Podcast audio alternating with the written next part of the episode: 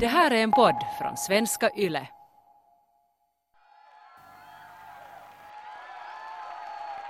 Malin rör inte en min. Hon gråter inte, skriker inte. Hon ser bödeln tända bålet. Hon sluter sina ögon. Hon är beredd. Enligt vittnen dör Malin Matsdotter på bålet utan att ge ett ljud ifrån sig.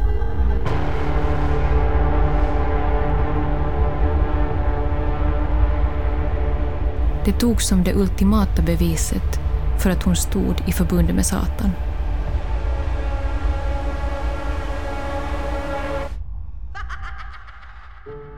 En mörk dag i Stockholm den 5 augusti år 1676 bränns österbottningen Malin Matsdotter levande på bål. Hon faller offer för alternativa fakta, som att hon red på pastor Myrander till Blåkulla, spelade flöjt med kärten och kopulerade med Satan under matbordet. Eller hur det nu var.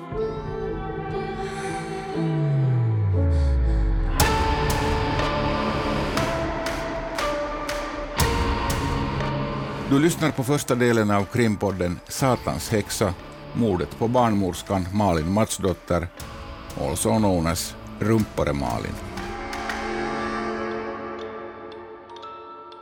Vi börjar nio år före Malin bränns.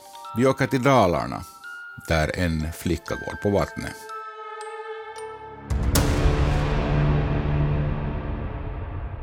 Berättare är Saga Sarkola. Det var i Dalarna, det stora oväsendet, häxhysterin i Sverige åren 1667 till 1676 tar fart med en fascinerande berättelse av stora religiösa dimensioner. Det hela börjar, inte helt oväntat, med ett fall av sårad manlig stolthet. Mannen i det här fallet är bara nio år, men det ska ju böjas i tid.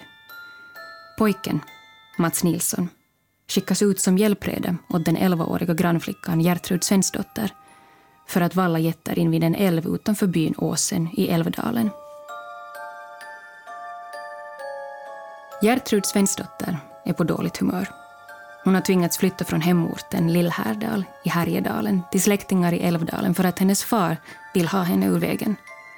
Han är enkling och trängtar efter att få gifta sig med en 19-årig piga i granngården, Märet Jonsdotter. Det förlikar sig Gertrud inte med och fadern skickar iväg henne till Älvdalen. I något skede av dagen började Mats och Gertrud slåss om en bit bröd. Gertrud vinner och den stukade Mats drar sig skamset tillbaka. Senare på dagen upptäcker de att några av deras getter förirrat sig till en liten holme mitt ute i älven.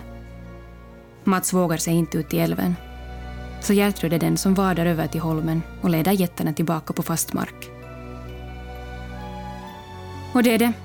Mer dramatisk är händelsen inte. Men den kommer att sätta igång en panik av aldrig skådad magnitud i Sverige. När Gertrud och Mats kommer hem är den tilltufsade pojken skamsen. Hans manliga stolthet har fått sig, inte bara en utan två törnar. Först har han fått stryk av en flicka. Sen har han inte vågat gå efter jättarna. Nu behövs det en bra skenmanöver så att hans skam inte exponeras. Så han redogör för sin far hur det egentligen hade gått till. Gertrud gick på vattnet som Jesus när hon gick efter jättarna. Och samtidigt kallade hon på hjälp av Satan. Mats far tror förstås på sin son.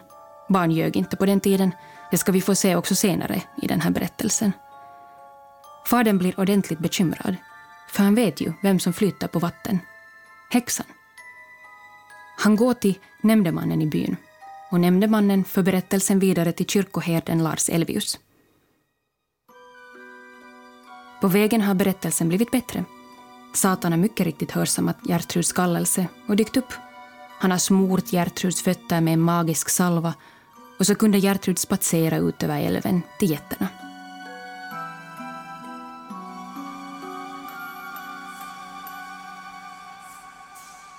Kyrkoherden sätter igång en maratonserie av förhör med Gertrud.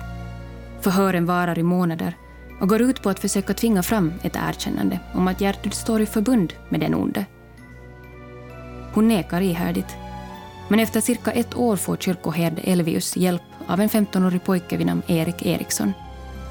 Vi känner inte till Eriks koppling till Gertrud, men hela byn har förstås varit medveten om kyrkoherdens ihärdiga förhör och nu hjälper Erik honom på traven.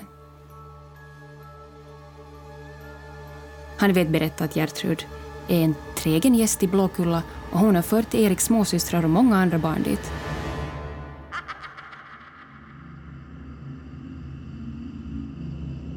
Blåkulla är en i allra högsta grad existerande plats på 1600-talet.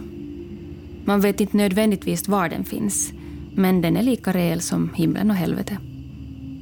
I Blåkulla firar man häxsabbat, som ordnas av Hinnhåle. Han ordnar ena helvetesfester. Häxorna åker dit på kvastar eller vad som helst som duger som flygande matta. Det kan vara djur, det kan vara människor. Allt som har med Blåkulla att göra är bakfram. Åker man till exempel på en ko så ligger kon upp och ner med rumpan i färdriktningen. Åker man igen på ett mindre djur, en get till exempel, kör man in en stång i ändan på geten så att alla ska få plats. Man tar alltid en sväng via kyrktorn där man skrapar loss en bit malm från klockan, slänger den på marken och skriker Låt min själ aldrig komma närmare Gud än den här malmbiten kommer klockan. Bara för att jävlas så att säga. När man kommer fram till Blåkulla ställer man fortskaffningsmedlet på ända och går in till sabbaten. Åker man till exempel på pastor Miranda så ställer man honom på huvudet mot väggen i väntan på hemfärden. Vid ankomsten hyllar man sin värd Belsebub med att kyssa honom i arslet. Man äter med ryggen svängd mot matbordet. Man trutar i trumpeterna med akten och knådar deg med samma kroppsdel. Om man hänger i takkronan, vilket många gör, så hänger man så att rumpan kan tjäna som ljusstake. Bordsbönen lyder givetvis Fader vår som är i helvete. Man skymfar och förskjuter allt som har med kristendomen att göra. Där sjungs och dansas, stående på huvudet förstås. Och så kopuleras det en hel del, det vill säga man ligger med Satan, eller någon av hans smådjävlar. Eftersom man gör det med ryggarna mot varandra så låter det ju inte så farligt. Men Blåkullastolarna berättas ofta av barn, så det kan ju hända att det inte är riktigt på det klara med hur det går till när man bolar. Bola är ordet för att ha sex med Satan. Att bola med Satan är emellertid ingen njutning. Det är en smärtsam upplevelse, vilket i och för sig är väl positivt i en upp och nervänd värld. Satans utrustning har beskrivits så här. Hans sexualorgan är ett tortyrinstrument och avsöndringen iskall. Den lede lär barnen att läsa böner bakfram och sen gifter han bort dem med fula och motbjudande varelser som de får barn med. Barn föder man i allmänhet via näsborren. Till sist hånar och hedar man den heliga nattvarden och, och så tackar man världen och åker hem.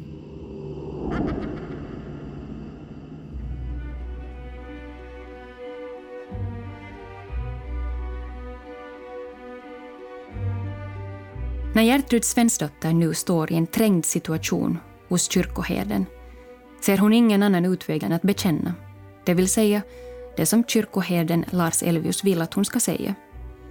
Att hon varit i Blåkulla och gjort alla de där hemska sakerna man gör i Blåkulla.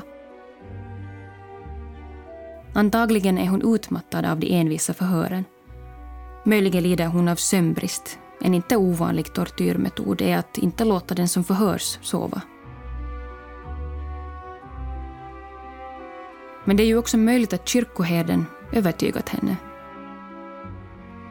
Efter månader av förhör i ett stadium mellan dröm och verklighet kanske hon börjar tro att hon upplevt det som kyrkoherden säger att hon upplevt.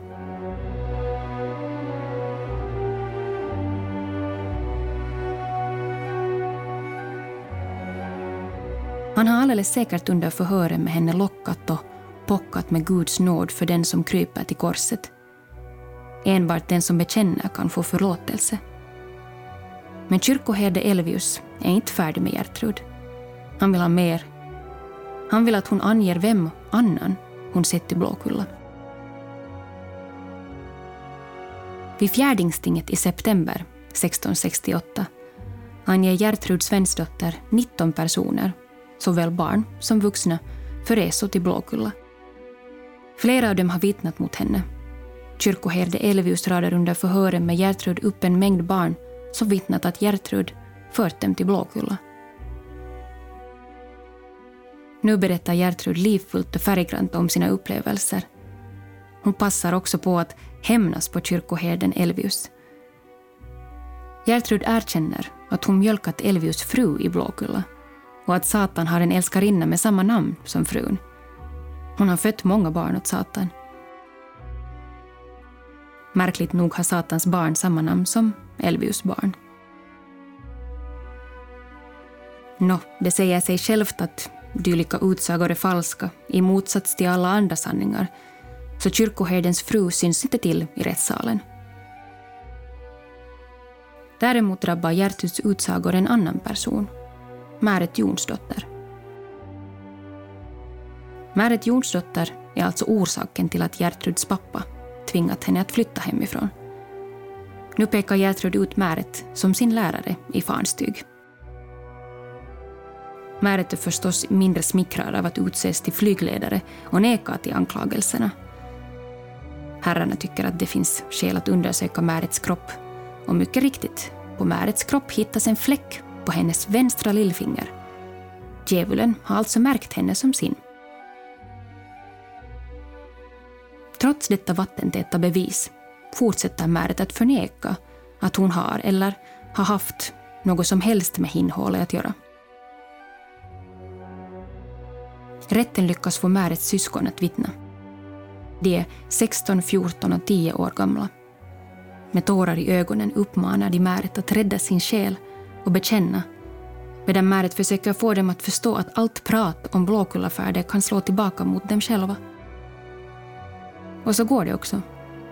Märet och hennes syskon döms alla i höstinget till döden. Svea hovrätt ändrar senare domarna. Märets syskon ska piskas offentligt och skämmas i kyrkan.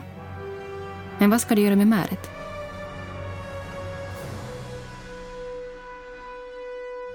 Märet fortsätter att neka. Enligt lagen måste den åtalade erkänna sitt brott för att hen ska kunna avrättas. Till sist tummar man på den lagen och avrättar Märet trots att hon inte erkänt sitt brott. Rätten ångrar sig också angående Märets syster, 16-åriga Lill-Märet. Hon avrättas tillsammans med Märet. Lill-Märet har uppenbarligen blivit galen för enligt rättsprotokollet har hon underliga affekter och leten för sig.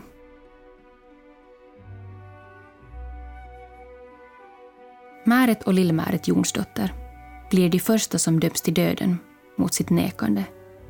De första, men inte de sista.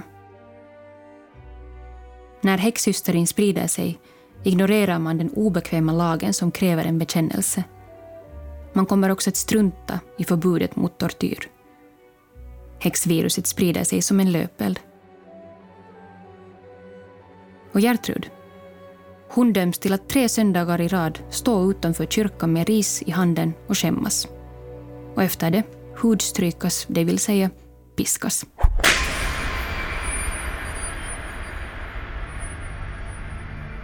Händelserna i Älvdalen är inledningen till ett av de mörkaste kapitlen i svensk rättshistoria. Nu är häxhysterin och paniken färdig att avancera till andra delar av Dalarna och därifrån vidare. Det stora oväsendet, eller det stora Blåkullabullret, som man kallar det här skedet i Sveriges historia, kan börja. Malin Matsdotter, barnmorskan som mördades, är sällsynt illa förberedd för häxjakten. Men det är inte hennes fel, utan hennes mans.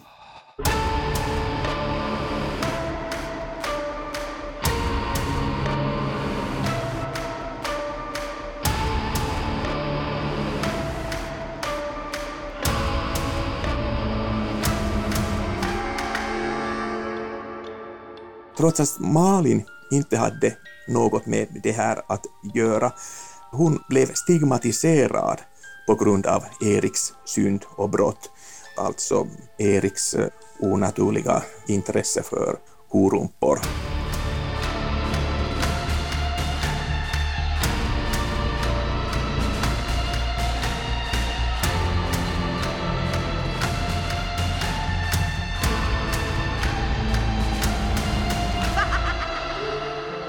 Har hört första delen av krimpodden Satans häxa, mordet på barnmorskan Malin Matsdotter. Berättare är Saga Sarkola. I nästa avsnitt handlar det om ett avskyvärt brott. Vi talar också illa om Luther och presenterar hans favoritlitteratur, Häxhammaren.